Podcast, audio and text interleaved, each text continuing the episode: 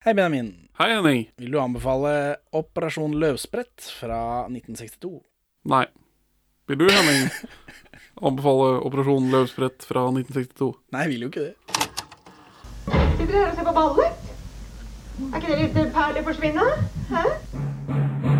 Kom inn her så vi kan få snakka. Det er så mye folk der ute. Det. Og så kommer du dissende med en geléklump til middag. Drammen og baklengs inn i fuglekassen. Dette her er jo perleforsvinn!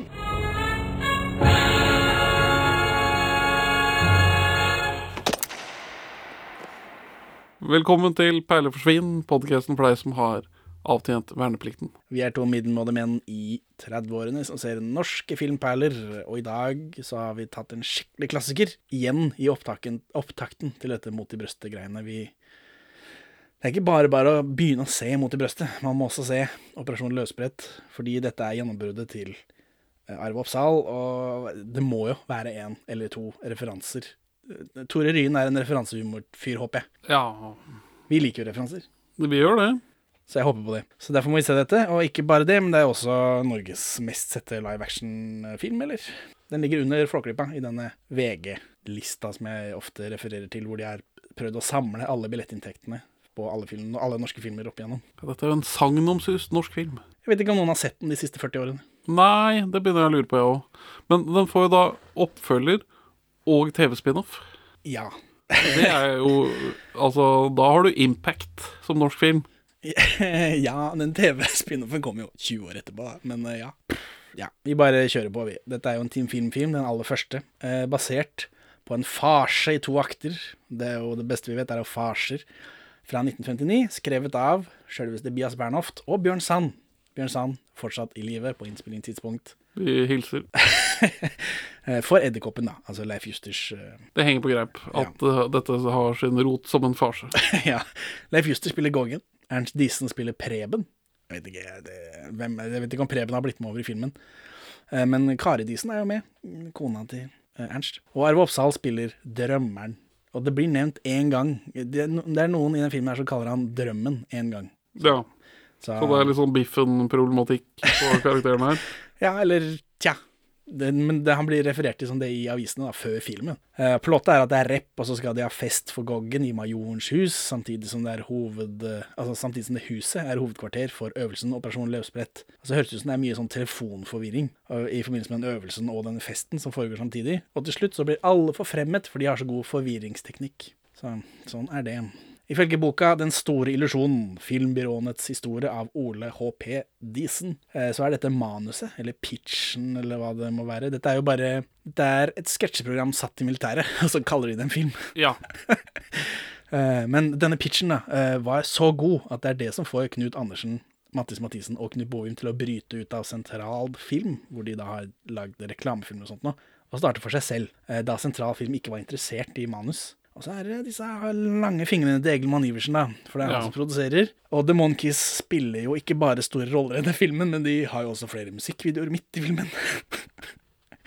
Eh, Harstad Tidende sier også at Bente Weier Andersen, Knut Andersens kone, er en av grunnleggerne som bryter løs fra Sentral Film, eh, og at hun er sekretær, men dette er første og eneste gangen jeg har hørt noe om henne. Så typisk det, om det stemmer. Kvinner utslettes fra historien, vet du. Mhm. Hvor mye tror du denne kostet å lage, da? De møtte vel bare opp på eh, en base et sted og fikk alt de trengte. 250 000 kroner. 385 000 kroner.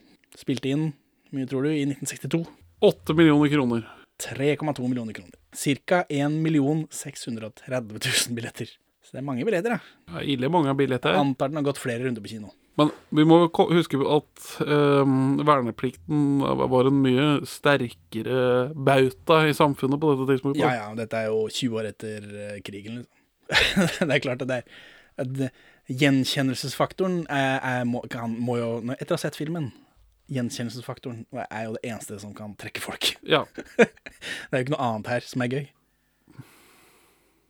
Nei. Filmen ble først vist på kino etter en kortfilm som heter Spill selv, men jeg klarer ikke å finne ut hva den handler om, eller hva det er for noe. Men Arbeiderbladet syns den var så god at den fortjente å nevnes. Det er vel en sånn kulturfilm da, som man lager for å spare skatt, som vi snakker om i en eller annen Arne Skauen-film. Altså, Før jeg ser filmen, så syns jeg det blir spennende å se Arve Oppsal, om han stikker seg ut. Han må liksom gjøre det. Dette er jo det nasjonale gjennombruddet hans. Eller er det ikke det? I episode 100, Olsmann, dette greiene, så snakker vi om at han har denne marinesketsjen hvor han er dum matros. Så han har drevet med det før, og så har han sunget en del sånne skipsviser og dritt, ser jeg, på 50-tallet. Han, han ble jo en revystjerne under krigen, etter hva jeg har sett i arkivet. Jo, men revy er vel ikke Er det det samme som å være liksom nasjonalkjent? Man reiser jo rundt, da. Ja, de gjør det, det med dette her også, men er det, er det det samme, liksom? Ja, ja, altså, dette er jo før TV, så jeg antar kanskje flere folk gikk på revy enn Ja, de det gjør nå. skulle man jo kanskje tro. Så kanskje ikke dette er gjennombruddet hans, da. Kanskje han var kjent allerede. Eller det er litt av greia til Team Film, at de tar inn folk som er kjente allerede. Da er skrittet hans over til the big screen. Det er det, i hvert fall. Kan ikke jeg få ta bremsebåndet? Å nei, du får nok lære deg å håndtere pusegarnstotten før du hiver deg på finere mekanikk. Den er jeg lei på YouTube, Benjamin, for 29 kroner. uh, jeg så en sketsj i VHS-kopi. ja. ja, jeg har jo denne, flere kopier av denne på VHS. Blant annet i Big Box, med et ganske fancy cover, om jeg får si det selv. Men, eh, men jeg har ikke funnet fram? VHS-spilleren min ennå. Du har laget et par ganske flotte plakater til denne. Filmen åpner med en takk til Forsvaret for velvillig bistand. Er dette sånn Top Gun-propagandagreie? Eh, ikke sånn som slalåm over under himmelen. Ja, Slalåm under himmelen, ja. Ja.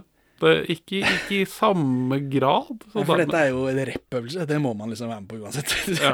Det er vanskelig å rekruttere folk. Og så er det jo fjaseri. Det er jo fjaseri. Det er vanskelig å rekruttere folk med fjaseri, eller? Kom Ja, til militæret, så skal vi fjase. Ja, Man prøver vel å myke opp imaget da, til uh, et av statens voldsmonopol. Kanskje. Uh, Det åpner på en streng fyr i dress som går inn til en fyr med globus. Dette er Odd Borg, fetteren til Knut Bovim. Veldig basic kontorsett, liksom. Ja. Basic Set er jo eh, T-film spesial. Bread and butter. ja. Men det er fetteren til Knut Bovim. Han skulle vel spille Benny, men han eh, døde.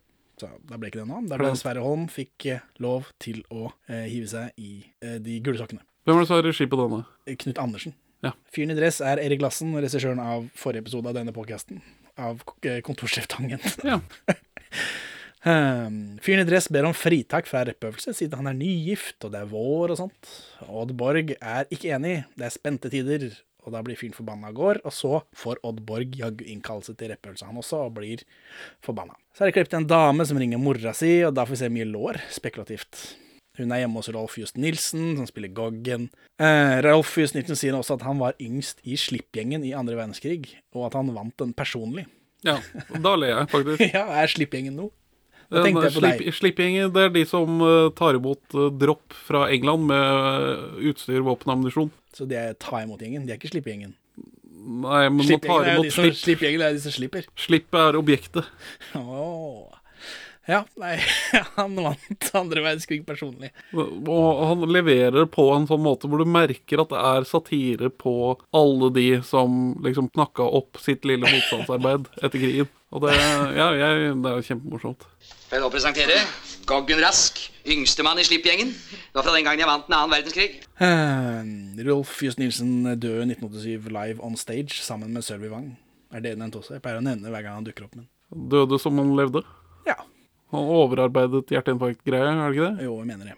Eh, han har et bilde av bestefaren sin, som jeg tror er Karsten Byring. Eh, hele tiden så skryter han av hvor god han er i krig, og så blir han også innkalt til repøvelse og vil snike seg unna med Ishas. Så er det klipp til Arve Oppsal som mekker bil. Han har et barn som assistent. Humor. Vet ikke. Altså, hva er humor i filmen her, da? For, om vi bare skal ta et skritt tilbake og ta et metaperspektiv på filmen. Ja. Du har jo vært inne på det, at dette er bare en serie Er det vitser. mer å si enn det? Altså, men altså, det er ikke noe dramaturgi. Nei? Det er bare en serie ting som skjer etter hverandre, avbrutt av musikalnummer. Ja, jeg har skrevet i oppsummeringen her at jeg savner plott. Hvor er Ja. plottet? Er, det er jo ikke noe plott. Men Nei. det er jo, det er jo, det er jo serie bare ting som skjer, altså med folk, da. Med de samme menneskene. det er jo, det er jo revy. Det er jo bare en serie sketsjer og musikknummer. Bare at man har fanget det på film. Ja. Ha det bra, Benjamin. Ja, takk for i dag, Henning. Men så jeg, jeg sliter med altså, hvordan skal man gjøre filmen minutt for minutt når det liksom Og så har vi en sketsj hvor dette skjer. Og så synger de og danser noe forferdelig dårlig dritt. Og så har vi en sketsj hvor det skjer ting. Eh, ja, jeg vet ikke. Jeg hengte meg opp i Arne Bendiksen, at jeg likte han så godt. Vi kan jo snakke om han. Og hvem er det igjen? Det er han lille som alltid har klær i feil størrelse. Ja. Ja, Så blir det å snakke seg gjennom uh, hvor er, har du gjenkjenning, hvor har du gjenkjenning, hva er gøy, hva er Det er mye gjenkjenning. Arve Oppsal mekker bil, i hvert fall, med dette barnet. Han ligger under en bil. Og så er det dette med Arve Oppsal, da. Denne stjernestatusen hans som kommer herfra. Kommer den herfra? Ja, jeg, jeg klarer ikke å se nøytralt på Men her, nå spiller han en karakter, i det minste. Ja. Ja, han affekterer noe annet enn bare seg selv som sur gammel mann. ja. Det er noe. Men det er jo da karakteren hans er idiot. det. ja. Og, og så elsket av det norske publikum at han blir med over i oppfølgeren, som vi også, spoilers, har sett, som, og vi skal snakke om i dag, helst. Men han har ikke samme bakgrunn. Han har aldri vært i militæret. Han har vært på sjøen i 15 år, sier de i den filmen, og han har eh, ikke fått med seg verne, verneplikten, så derfor skal han inn i marinen nå. Det er det sier han i oppfølgeren. Jeg skjønner ikke. For, og alle de andre skuespillerne er også med i oppfølgeren, men i andre roller. Hvorfor er Arve Oppsal standout i denne filmen her? Det er det vi må prøve å finne ut av. Svar meg. Han, han føles vel Han er vel sjarmerende, da. Men noe mer enn Rolf Just Nilsen? Nei, men Rolf Jusniksen har Han har sitt brand allerede. Han er mer sånn karakter. Og så har du jo denne vanlige fyren, I guess, som har litt sjarm og leverer vitsene sine litt sånn tørt, kanskje. Arve Oppsal eller Per Asplin, som spiller bonde? Uh, jeg, jeg tenkte på Arve Oppsal nå. Oddborg. Oddborg er med. Han også har jo de, Dette er jo en ensemblefilm, de har jo like store roller. Jeg trodde dette var hovedrollen til Arve Oppsal, jeg. Nei. Men det er det ikke. Nei, han har jo ikke noe protagonistrolle, siden den rollen ikke fins. Nei, Jeg skjønner ikke hvorfor akkurat den karakteren slo så godt an at han måtte være med i oppfølgeren. det er ingen god grunn til det. Er det det? Vanskelig å se med moderne øyne. Han er jo idiot, da. Ja. Var det så gøy? Eh, Det, det kan godt ha vært det, og alle Vi hadde vel alle en idiot eller to i militæret? Men vi hadde jo alle eh, disse andre folka i militæret også. Hadde vi ikke det? Jo. En Sånn fuckboy og sånt. Nå er dette en rap-øvelse. Det er jo ikke akkurat, vi har ikke vært på rapp, har vi det? Nei, har ikke det. Men vi møttes på øvelse. Det gjorde vi. Du og jeg. Du og jeg. Du og jeg på skytebanen. Det var kjærlighet ved første skudd. Ja. Uh, ja, så det er jo vår bakhistorie. Vi kunne jo tatt opp det også, selvfølgelig, men jeg ble så opptatt av å gå gjennom alle disse dumme sketsjene. For Arve Oppsal ligger under en bil når han får denne rep-innkallelsen, og så setter han seg opp i forferdelse, slår hodet Eller er det glede han setter seg opp i? Vet ikke. De klipper i hvert fall til rådhusklokka, som slår, da, når han slår huet i bilen, som er et dynamisk trekk i filmen. Ja, for filmen er ikke, den er ikke platt eller udynamisk, det er bare at den har ikke noe driv. Ja, nei, det er ingenting som driver det fremover, bare de er der. Jeg vet ikke, Det føles som de er der i årevis. Ja, det var ikke noe Hvor lenge varer en rep? Og så, jeg, jeg, jeg, har sett den her på TV som barn, og jeg, jeg, følte at det var At liksom den øvelsen, når den kicker i gang, at det liksom skulle skje noe ja. da. Men det gjør, gjør jo ikke det heller. Nei, gjør ikke det. Altså, um, uten sammenligning for øvrig, jeg hater MASH. Ikke serien, men filmen. Ja, den har jeg ikke sett. Jeg har bare sett serien. For den også syns jeg er kjedelig og dårlig. Men den er kvinnefiendtlig i tillegg. Her er jo Det, Er det hyllester av kvinnen? Hva, det vet jeg ikke, men det var veldig helt utrolig forfriskende at Sølvi Wang har noe å gjøre. Ja. Hun har agency og liksom sitt eget uh, Kall det plott, da. Sin egen sketsj. At liksom hun plutselig eh, At hun plutselig hadde egen vilje. Kvinne i norsk 60-tallsfilm som gjør ting av egen vilje, det, da ble jeg overraska. ja. Og hun er ikke så verst heller? Spørsmålstegn. Ja, For hun er sykepleier. Eh, ja, det er hun som, som tar på seg leppestift, og så behandler de henne som hun nå ser ut som Marilyn Monroe. Og så syns jeg hun er helt lik som hun var før. Ja. Jeg vet det, jeg tror ikke det er humor. At, hun, at Nei, nei, de, de ser henne så mye penere når hun er akkurat som hun var før. Jeg tror det er bare sånn filmen er. De er fritatt fem år på rad, så nå går det ikke lenger. I 54 tok de blindtarmen. I 56 tok de mandlene. I 58 tok de vefring selgerkurs. Og i fjor tok de forsyn med blindtarmen for annen gang. Arve Oppsals første scene i filmen viser han som mekaniker med hjerte for barn og idiot. Og det er ingen vits om militær i denne scenen. Eh, ADR-en i denne scenen er grusom, forresten. ja. Det er helt utrolig dårlig. Det virker å være en teamfilm-utrøving-bit på bit. Det. For så vidt. Men uh, ja, altså dette mekaniker, hjerte for unger, idiot. Og det tok Norge med storm. Han har jo denne sidekicken av den kiden. Det kommer jo, det kommer jo faktisk tilbake senere. Det er masse ting som kommer tilbake, sånn som Rolf Just Nilsen nå eh, driver han, han er selger. Han legger an på Elisabeth Grannemann i et kontor. han, så får han beskjed om å selge noen sånne vannfontener som virker helt meningsløse. Og det går gjennom hele filmen, at folk kjøper de av han. Ja. Jeg, og det skulle jeg ønske altså- det var mer av, at disse fontenene dukka opp overalt. ja, det hadde vært gøy. For det trodde jeg det skulle være, men det er, den dukker bare opp ett sted, og så er det liksom ikke noe mer. Jeg trodde liksom at det skulle liksom Han har solgt det til alle, da. Men nei. Han selger jo 100 stykk til en random fyr. Ja, det er Odd Borg skal ha 150, men han er jo eh, finanskakse, eller sånn skipsreder. Det, men det selge ting i militæret, det minner meg om da, vi var, jeg, da jeg var på øvelse og solgte sigaretter. For jeg røyker jo ikke. Nei. Men Du- det gjør disse andre slaskene. ja. Ti kroner siggen. Da skrev vi det opp, ikke sant? så måtte jeg gå og ta det inn etterpå. Ja, For det jeg eh, gjorde på øvelse, var at med en gang vi kom og fikk rasjonene våre for uka, så fant jeg, eh, fant jeg frem til alle de andre som ikke drakk kaffe. Og så bytta jeg min sjokolade og andre ting mot deres kaffe.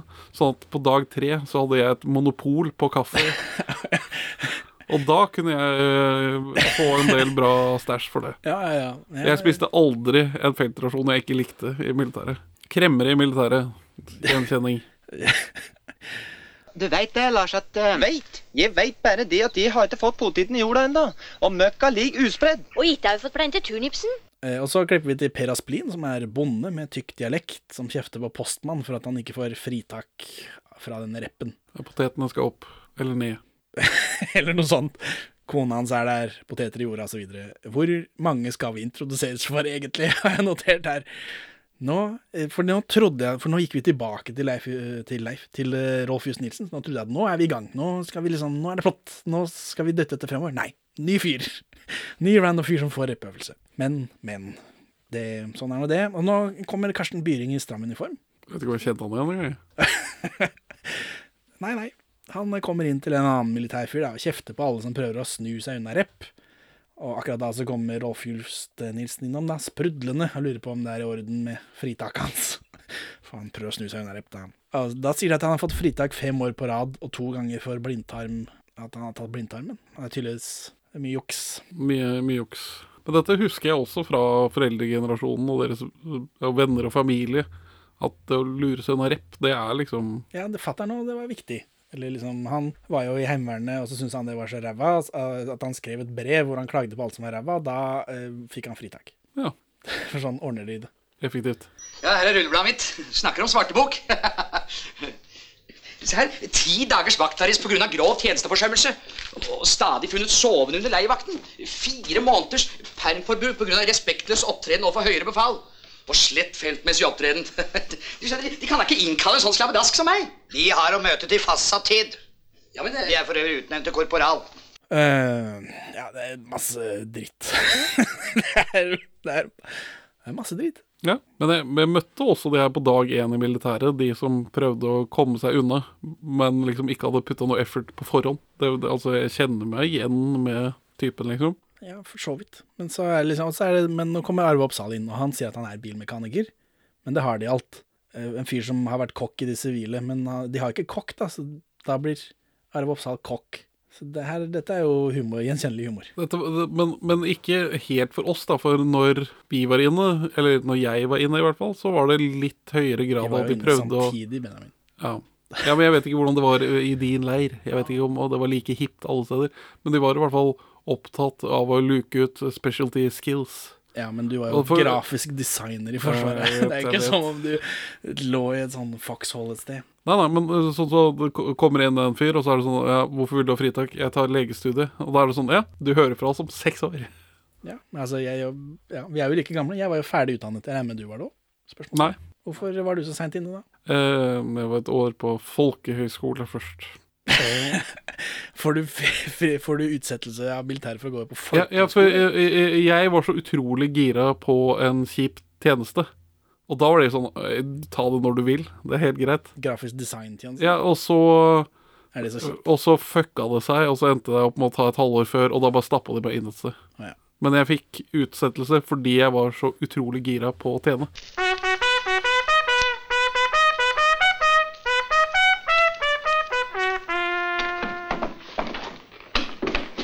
Her kommer Louis Armstrong. Kan du spille trompet, du, er? Nei, men jeg har fått med noter. Uansett, eh, alle blir frakta i en gammel lastebil til Haglemoen.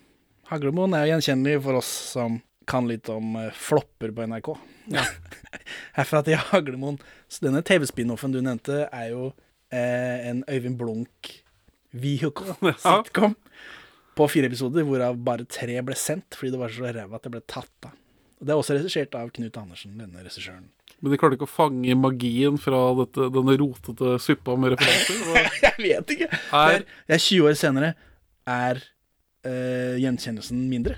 Ja, kanskje det. Uh, er Førstegangstjenesten en soft reboot av Herfra til Haglemoen? Åh, av Operasjon Løsbrett. Jeg kan bare håpe. Ja, altså det er militærhumor, liksom. Det, Men det er kanskje en egen sjanger, da. Militærhumor.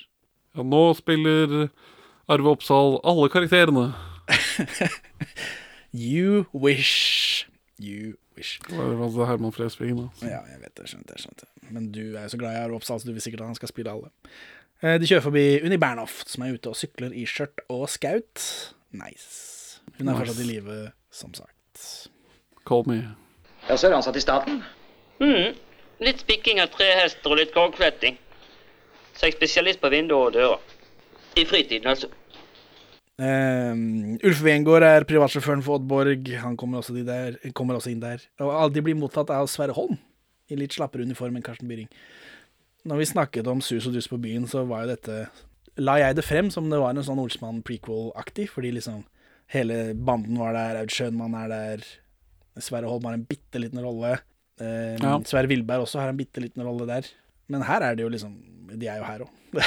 Hvorfor ble ikke dette dratt frem? Men det fins vel da også en revy-prequel hvor de jobber sammen, da? Om, Eller hundrevis. Eller hundre tusen ja. Ja, det, det tror jeg. Og så er det medisinsk inntak på repøvelse. Det virker sånn, det. Jeg, jeg tror ikke det. Jeg vet ikke, men det er, det er den Dette er også humor vi ser igjen i Er det noe helt annet enn KLM-filmen, som nå er arkivert, ja. bare finnes på nettsiden våre. Der også har de en sketsj hvor de står og venter i gangen på sånn legekontor. Jeg tror det bare er det. Torgils Moe er her, han er kjempestor. Det, er- det er humor. Det er humor. Ja, Protobiffen. Protobiffen er her. Ja, han er for høy til å bli målt. Uh, Rolf Just Nisen legger han på Anita Tallaug. Kjenner du igjen Anita Tallaug? Benjamin. Nei. Hun var barnestjerne under navnet Vesla Rolfsen på Edderkoppen teater, da, hvor hun startet som skuespiller i 1945, åtte år gammel, for ti kroner kvelden. Er det bra? Er det dårlig? Vet ikke. Du kan regne i inflasjonskonkurranse. Angående det blir å være for høy til å være målt, så finnes det jo dimensjoner som diskvalifiserer deg fra førstegangstjeneste. Altså, du kan være for høy til førstegangstjeneste. Har du større enn 56 i sko, så har de ikke marsjstøvler til deg, og da må du gå hjem. Ja. Uten sko. Ja. Eh, Anita Tallaug, da. Hun ble kalt Vesla Rolfsen som eh, barnestjerne fordi foreldrene hadde en datter som het Vesla, som druknet i ettårsalder, og eh, kuren mot sånt i gamle dager var å få en erstatningsunge. Ja, det har jeg sett flere steder. Sikkert sunt. Ja, ja. Jeg så, jeg så også noen som da hadde fått en De hadde et barn, og så får de en baby, og så dør det første barnet en måned etter den babyen har kommet. Ja, og da da bytter får, de bare navn på dem. ja, bytter de bare navn på dem. Ja, nei, det gamle dager er spesielle greier. Spesielle greier. Anita Tallag er med i NRKs jentekor, hun er fan av Sonja Hennie før hun skjønner at det blir sang og ikke skøyter på henne. Hun dubber Alice i Walt Disneys Alice i Eventyrland på norsk. Det er vel på 50-tallet, er ikke det? Ja, disse blir, de, mange av de her blir redubba seinere, så det er litt uklart om det er den vi har et forhold til eller ikke. Det er sant. Hun har den kvinnelige hovedrollen i filmen I moralens navn fra 1954. eh, Som virker å være noe rariteter vi må se, bare. Jeg vet ikke hva jeg skal si om det. Men der slutter hun å gå under vesla, da, og bruker sitt egentlige navn. eh, Anita Tallegg. Som 17-åring så får hun tillatelse av sine foreldre til å spille i Helsingborg-revyen, så nå er hun altså i Sverige. Helsingborg, er ikke det i Finland? Eh, Den spilles i hvert fall i Sverige, så det er sitat fra boka hennes 'Veien mot nord' fra 1978. Det ble Sverige hele 1956, både på godt og på mindre godt for meg personlig. Sitat slutt. Hvem enn det er som redigerer hennes Wikipedia, skriver at hun er den første norske kvinne til å kle seg naken på film. Som er en hyperbolisk beskrivelse, om ikke annet. Nei, for vi har jo funnet de første naken...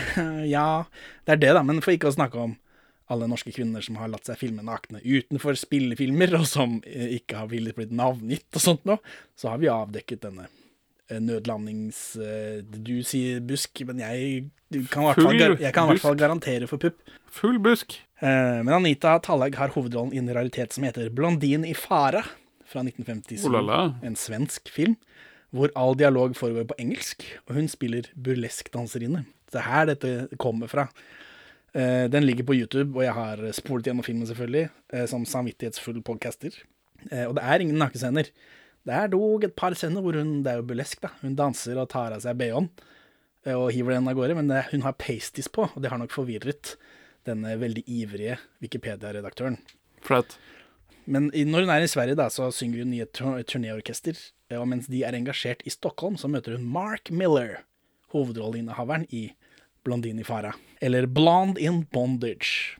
Jeg tror den er utenfor copyright. Det er for ingen som bryr seg, så det er en del eh, kopier ute, hvis det er noen som er veldig interessert. Eh, og vi får jo den kvinnelige hovedrollen der. Eh, hvorfor hun trekker fram Mark Miller spesielt, dette er jo fra boka hennes, da. Det vet jeg ikke. Hun sier jo at hun traff han, og neste setning er om selve filmen. Men ifølge IMDb så har han ingen annen rolle på settet enn skuespiller. Men hvor nøye IMDb er om info på svenske exploitation-rariteter fra 1950-tallet, det vet jeg ikke. Det kan man jo lure på. Ja. Men du nevner jo at hun har mindre heldige opplevelser òg. Jeg tror det er dette. Ja. At det, at det Men hun Uh, I boka da, så sier hun at hun lærte meget om både teknikk og taktikk på filmen, og at hun måtte, sitat, kle meg litt halvnetto, sitat slutt. Eh, Ok. Så det verste med filmen var at hun måtte bleke håret, og det tålte ikke håret, så hun måtte klippe det etterpå. Så jeg vet ikke Det, det er jo en Hun trekker det vel frem som om hun har vært med i en dårlig film. ja. Ikke som en jeg opplevde metoo på settet. Nei, men det kan vi jo bare anta, kan vi ikke det? Jo, det var bare par for the curse Ja. på tidspunktet. Ja, Men i hele denne boka si, forresten, hele denne boka si, eh, Operasjon løsbrett, det er én setning sammen med eh, klokker i måneskinn.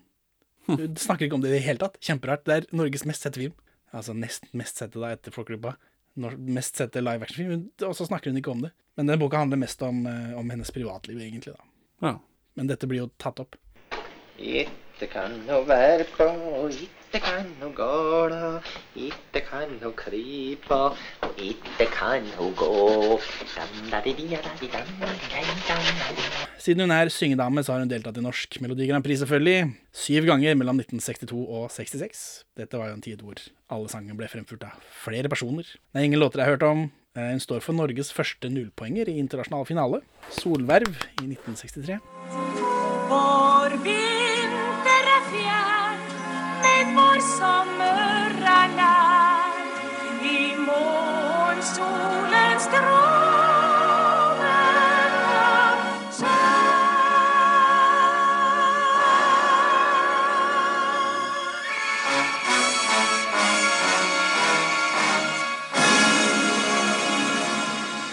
Etter årevis med showing og mas så får hun en psykisk knekk. Eh, skilsmisse, alkoholisering følger, før hun treffer en fyr, og så drar hun fra to sønner og flytter til Nord-Norge.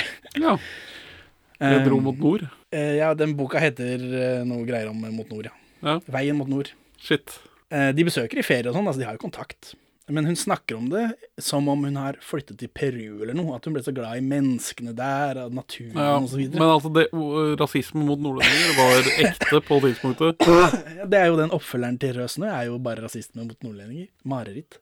Ja. Den ble vel trua med å bli dratt for et eller annet eh, For uh, menneskerettighetsdomstolen eller noe sånt. Da.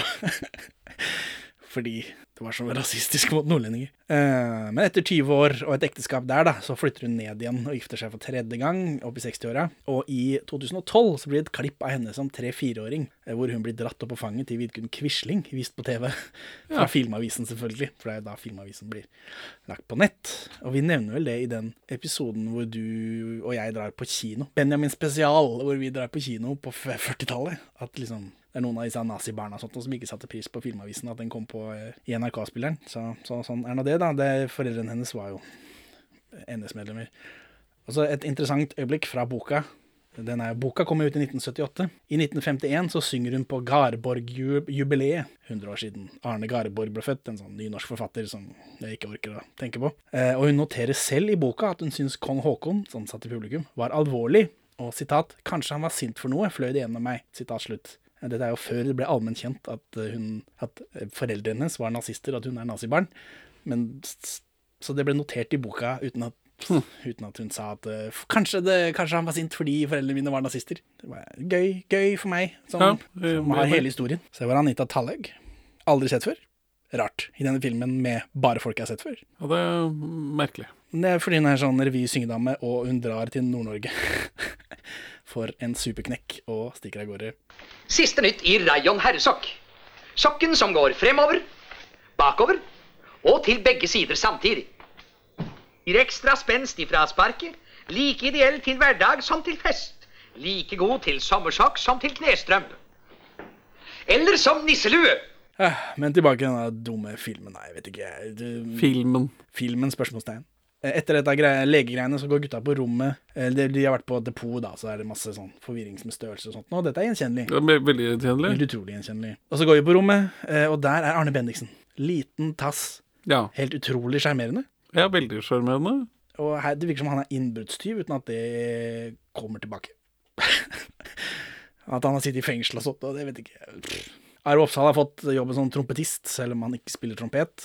Humor. Ja, veldig mye jobbhumor. Det er mye humor med at liksom, eh, militæret er ikke så nøye. De vil ikke ha riktig mann på rett plass. De vil bare ha en mann på plass. Og så er det masse greier om hvor strengt alt skal være, at noen er ja, befal og dritt. Det er jo gjenkjennelig, men det er jo ikke gøy. Nei, det, det, begynner å bli litt tynt med at det er gjenkjennelig. For jeg, jeg, jeg har moret meg en del med gjenkjennelighetene sånn frem til nå. Nå begynner det å bli litt sånn tynnslitt. Ja. Nå trenger jeg en handling.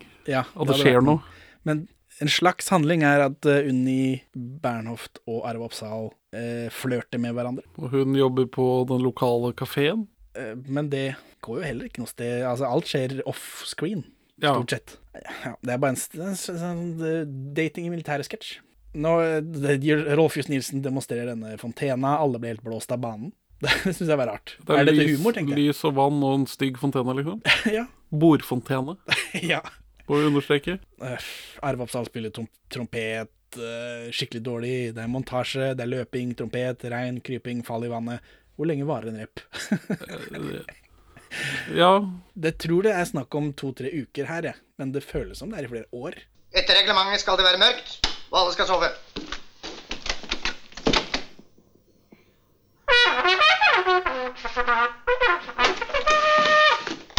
Hva var det? Det er bare 62 Johansen som øver på trompet.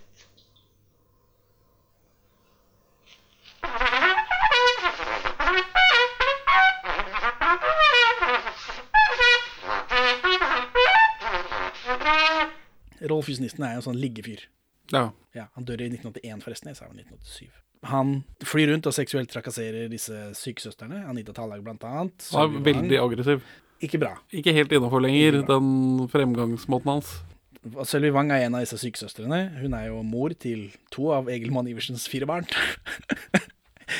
Ref. eh, himmel og helvete, tror jeg. Vi snakker om eh, hans eh, To familier? Ja, to, to familier.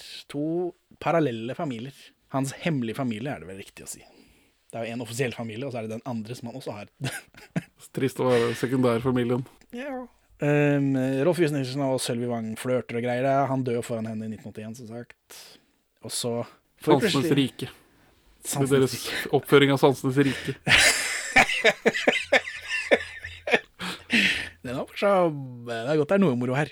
Men nå får vi plutselig en musikkvideo av The Monkees. Stakkars store, sterke karer. Stakkars store, sterke karer som vårt lille land forsvarer.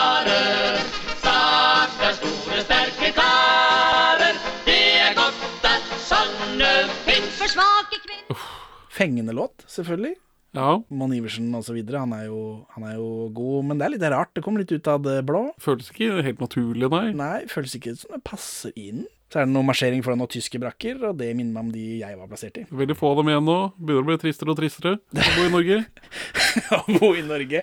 Det, de tyske brakkene Ja ja, sier nå jeg. Arve Oppsal på kafé med Unni Bernhoft. Hun er helt utrolig kåt på han. Arve Oppsal er mest opptatt av smultringer. Eh, Rolf Just Nissen har vært på date med Anita Thallaug, og så følger han henne hjem, og da går de på Sølvi Vang, og hun blir sjalu eller noe. Hvor kommer det fra? Ja, hun hun har jo veldig vært avvisende før. Hun har vært ekstremt avvisende. Sånn Nei, dette er ikke noe jeg er interessert i i det hele tatt. Og så, som den enkle kvinnen hun er, så Klarer hun ikke å si nei til Goggen. Og så er det noe greier med at sjefen til Rolf Just Nilsen får, Rolf Just Nilsen får motorstopp utenfor verkstedet der ved Oppsal, og dette har ikke noe med noe å gjøre. Men vi får et lite humornummer med barna som har tatt over bedriften. Ja, jeg tror det. Og mora som fikser en bil, men ikke kan fikse bil. Det skjønte jeg ikke. Sjefen blir helt fra seg. Alle fontenene Rolf Just Nilsen har solgt. Det er kjempebra. Det høres ut som han sier podkasten, men han sier postkassen. Jeg klipper inn her. Har de sendt det brevet til Rask? Ja, selvfølgelig. Stans podkasten! Gøy. Gøy for meg. Det er masse skrot her. Din fav... Nå er vi drar rett til øvelse videre. Først er det noe, det er noe sprit. Det er sprit som blir lagt i en ammunisjonskasse. Ja. Det er nesten et plott, for den følger vi en stund. Ja, dette, jeg trodde dette skulle liksom være bæreren for et sånn lengre handlingsforløp. Nei, det er ikke noe. Det er dansefest på kafeen. Gryne Molvik er der. Hun er jo superkjendis og, og har- var gift med en greve, svensk greve en stund. Fra Råde, steinkast borti her. Oi, oi. Stumpa forelsker seg, hun er med der. Hvor har du vært hele mitt liv? Mest på Mysen. Eh, men så drar de på rappøvelse. Denne spritflaskekassa er på avveie. Det, det, det er gjennomgående. Så den blir også med. Den blir blanda med masse andre ammunisjonskasser, og så er det liksom Det er en greie. Ja, så frem og tilbake, og den skal ikke være der, og nei, nå Ja. Så er de på øvelse. Generalen her er spilt av din favoritt, Leif Enger. Denne gangen ikke som skummel utlending. Han spiller ingeniør Barrat i Den forsvunne pølsemakeren. Han spiller sortmusset individ i den første Olsmann-filmen. Ja. Men her er han altså eh, skal være hvit. Ja. Så gratulerer til han. Endelig. Og så er det masse arkivklipp av bomber og jagerfly og skyting med raketter og sånt. Da. Vet ikke Sømløst. Eh, ja. Det, altså, ja. Nei, hva skal man si? Det, er- det, det er liksom bare Vi må samle sammen nok til denne revyfilmen, og så er vi ferdig. Ja, og så for at de skal ha nok til denne revyfilmen, så er de rundt bålet, og så er det faen meg en fyr som kommer og synger en hel sang. Ja. I met a girl the other day. Her looks were really great. I talked to her for quite a while and asked her for a date. But she was not the roving kind and told me if I didn't mind. I'm not a girl I'd have to find, what she'd tell Brother Bill. Dette er Ray Adams, født Ragnar Asbjørnsen. Eh, han drev salatbar i Uddevalla på 80-tallet. Dette er hans e- eneste film. Wow. Eh, og det er bare sangen foran bålet. Salatbar, er det nok å drive med? Altså, Jeg vet ikke. Eh, Det sto det når jeg googla den. Da tenkte jeg ja, ja, jeg gidder ikke noe mer, det vil jeg ikke vite, faktisk. Det er morsommere med bare det. Jeg orker ikke mer. Jeg orker ikke å gjøre mer research på de greiene her. Eh, jeg blir det- helt paff jeg, hver gang de numrene kommer. For det er liksom bare som en reklamepause i filmen. Ja. Det er eh, mye sånn kasseforvirring da, i forbindelse med disse, den spriten. Eh, og, og depotsjefen er jo Knut Bovim sjøl. Det er ikke han som er regissøren her, men eh, Og til slutt så ender gutta opp med en kasse med masse granater.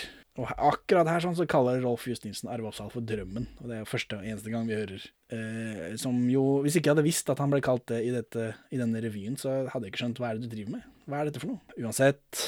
Eh, nå er det eh, potetinnslag. Ja. Fordi denne Per Asplin-bonden eh, Han trenger jo hjelp til å sette disse potetene. Når de først er ute på rappøvelse, så Det- det- det bare på- tar de hele De hijacker en bil med soldater. De er på øvelse rett ved siden av gården hans, og ordrene deres er bare være et sted. Han står og liksom ser på gården sin hvor arbeidet ikke blir gjort. Jeg skjønner at han blir provosert av det. Men så drar de opp dit og peller poteter. Mer sang. Øh, Det virker veldig hyggelig at de driver og peller poteter der oppe, da. Men så er det liksom så er det, Men så må de også hele tiden unngå å bli tatt, for de får jo ikke lov til å pelle potet. Og så kommer det, for det, for det er jo folk som leter etter dem, for denne lastebilen med de mangler jo. Ja, Og så er det noe sånn musikksketsj med sånn inn og ut av hus, gjemme seg i ja, Scooby-Doo-opplegg. Ja, Og så kommer det kommer en sersjanten, kommer, og han ser de, ser de ikke. Hva er vitsen her? Ah, hva er dette for noe? Ah, fuck, nå er det en musikkvideo! Første turnipstropp, rett på aksel. Greit. Avdeling fremad, spa.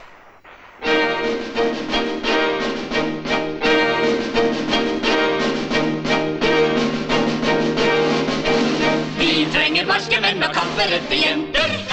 Her kommer første tropp. Væpnet til tennene for pottit og fermenter. skal det skyte opp.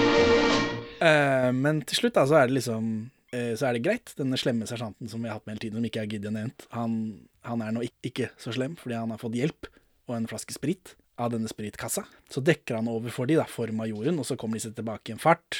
For det er en sånn parade de skal være med i. Ja, og så hva- kjører de fra Arne kom- hvor- Bendiksen. hvor kom den fra? Nei, ikke tenk på det. Hva, hva er det for noe? det er bare sketsj. De må avslutte med noe. De kjører fra Arne Bendiksen, så han må ta en hest, så han rir etter. Dette er, dette er punchline i filmen. Og siden de er sendt ut til denne militærparaden, så kjører de bare eh, rett inn i bak der. Eller den militærparaden er jo bare arkivklipp. Og så kommer de inn bak der, da, uh, og de rekker det selvfølgelig akkurat. Så hilser de på han uh, generalen og majoren og sånt, og så kommer Arne Bendiksen på hesten til slutt.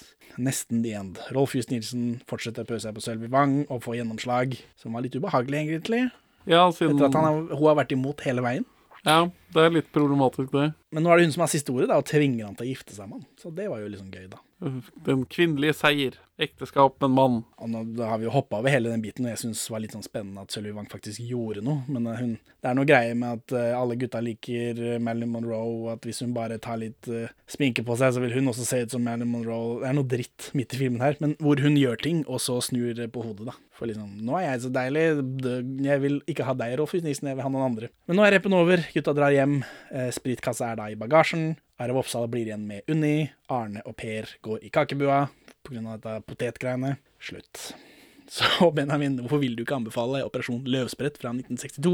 Det er jo at det, det holder ikke med bare gjenkjenning. Jeg, jeg Det gjorde det! Det gjorde det! Det gjorde det da, ja. Det gjorde det. Ja, Men hva annet fins av humor på film? Altså, hva Ja, det har vi vel snakka om i Når var det vi snakka om det? Jeg husker ikke. Det er ikke sånn superlenge siden hvor vi så en lang komedie som Jo, jo nei, det var i konklusjonen om Olsmannen. Hvor, vi liksom, hvor jeg så på hva annet var det på 60-tallet å se på, 70-tallet å se på, på, på kino, liksom. Det er ingen komedier med riv i. Nei. Det er ikke så mye riv her heller, men Det, det, det er litt, men det, det, det blir for lite for meg som norsk filmkjenner. At jeg, jeg trenger et modikum av struktur. Og motivasjon og driv og handling og sånne Altså, Men filmen er pent skutt, da. Sånn for så vidt. Ja, det som ikke er, arkiv, er, arkivklipp. Ja, så, så Henning, hvorfor vil ikke du anbefale Operasjon Løvsprett? Jeg liker jo alle folka her. Arne Bendiksen spesielt. Unni Bernhoft, Torgils Moe, Sølvi Wang, Oddborg osv. Og, så og så er det sjukt god stemning i filmen. Det er aldri noe frykt for noe, eller det er bare gøy hele veien. Altså, de har det gøy, da. Jeg har det ikke gøy, men de har det veldig fint. Eh, men man savner jo et plott, man gjør jo det. Ja, litt mer sånn skyting med rødfis, for eksempel. Ja, Dette er jo bare en haug militærsketsjer som jeg snakka om. Og musikkvideoer. Og, og musikkvideoer. Jeg kan ikke si Arve Oppsal skiller seg nevneverdig ut, men han spiller en karakter, da, i det minste. Folkelig humor, dette. Eller plump humor, som noen vil si. Eh, Oppsal-karakteren er jo tydelig inspirert av denne sjømannsfiguren han spilte i den sketsjen den gangen, antar jeg. Og så er den jævlig langdrygg på slutten, når den der manøveren liksom er i gang. Fytti helvete. Ja, da bare- da stopper Hadde, Om det var noe driv, så er det i hvert fall slutt da. Ja. Jeg kan ikke anbefale dette. Jeg kan ikke kan, Jeg forstår ikke. Det er vanskelig å forstå. Ikke se den. Men hvis du var i militæret på 50- eller 60-tallet og vil mimre, så kanskje dette er noe for deg. Ha det bra, Benjamin. Farvel, Henning. Takk for at du hører på Perler for svin. Vi er mest aktive på Twitter, perler understrek for understrek svin, men vi er å få tak i på Facebook også, Perler for svin pod i ett ord. Vi svarer på Messenger selv om siden ser død ut. Vi har egen hjemmeside, perleforsvin.no. Her finner du også episode 1 til 27, og vi er tilgjengelig på mail på gmail.com. Gi oss en rating i din podcast-avspiller, og legg igjen en eh, anmeldelse så folk skjønner hva for noe tull vi egentlig driver med. Og for øvrig, legg ned kongehuset. Her er ukas Pål Bang-Hansen-sitat ute av kontekst. Han bruker alle deler av bildet med viktige elementer plassert både helt til høyre og helt til venstre. Når vi her i fjernsynet skal vise frem dette bildet på en nesten kvadratisk TV-skjerm, må resultatet bli en stripe svart skjerm både i over- og underkant, for at vi skal få plass til alt som beveger seg i Brian De Palmas bilde. Men bildet blir jo mindre da,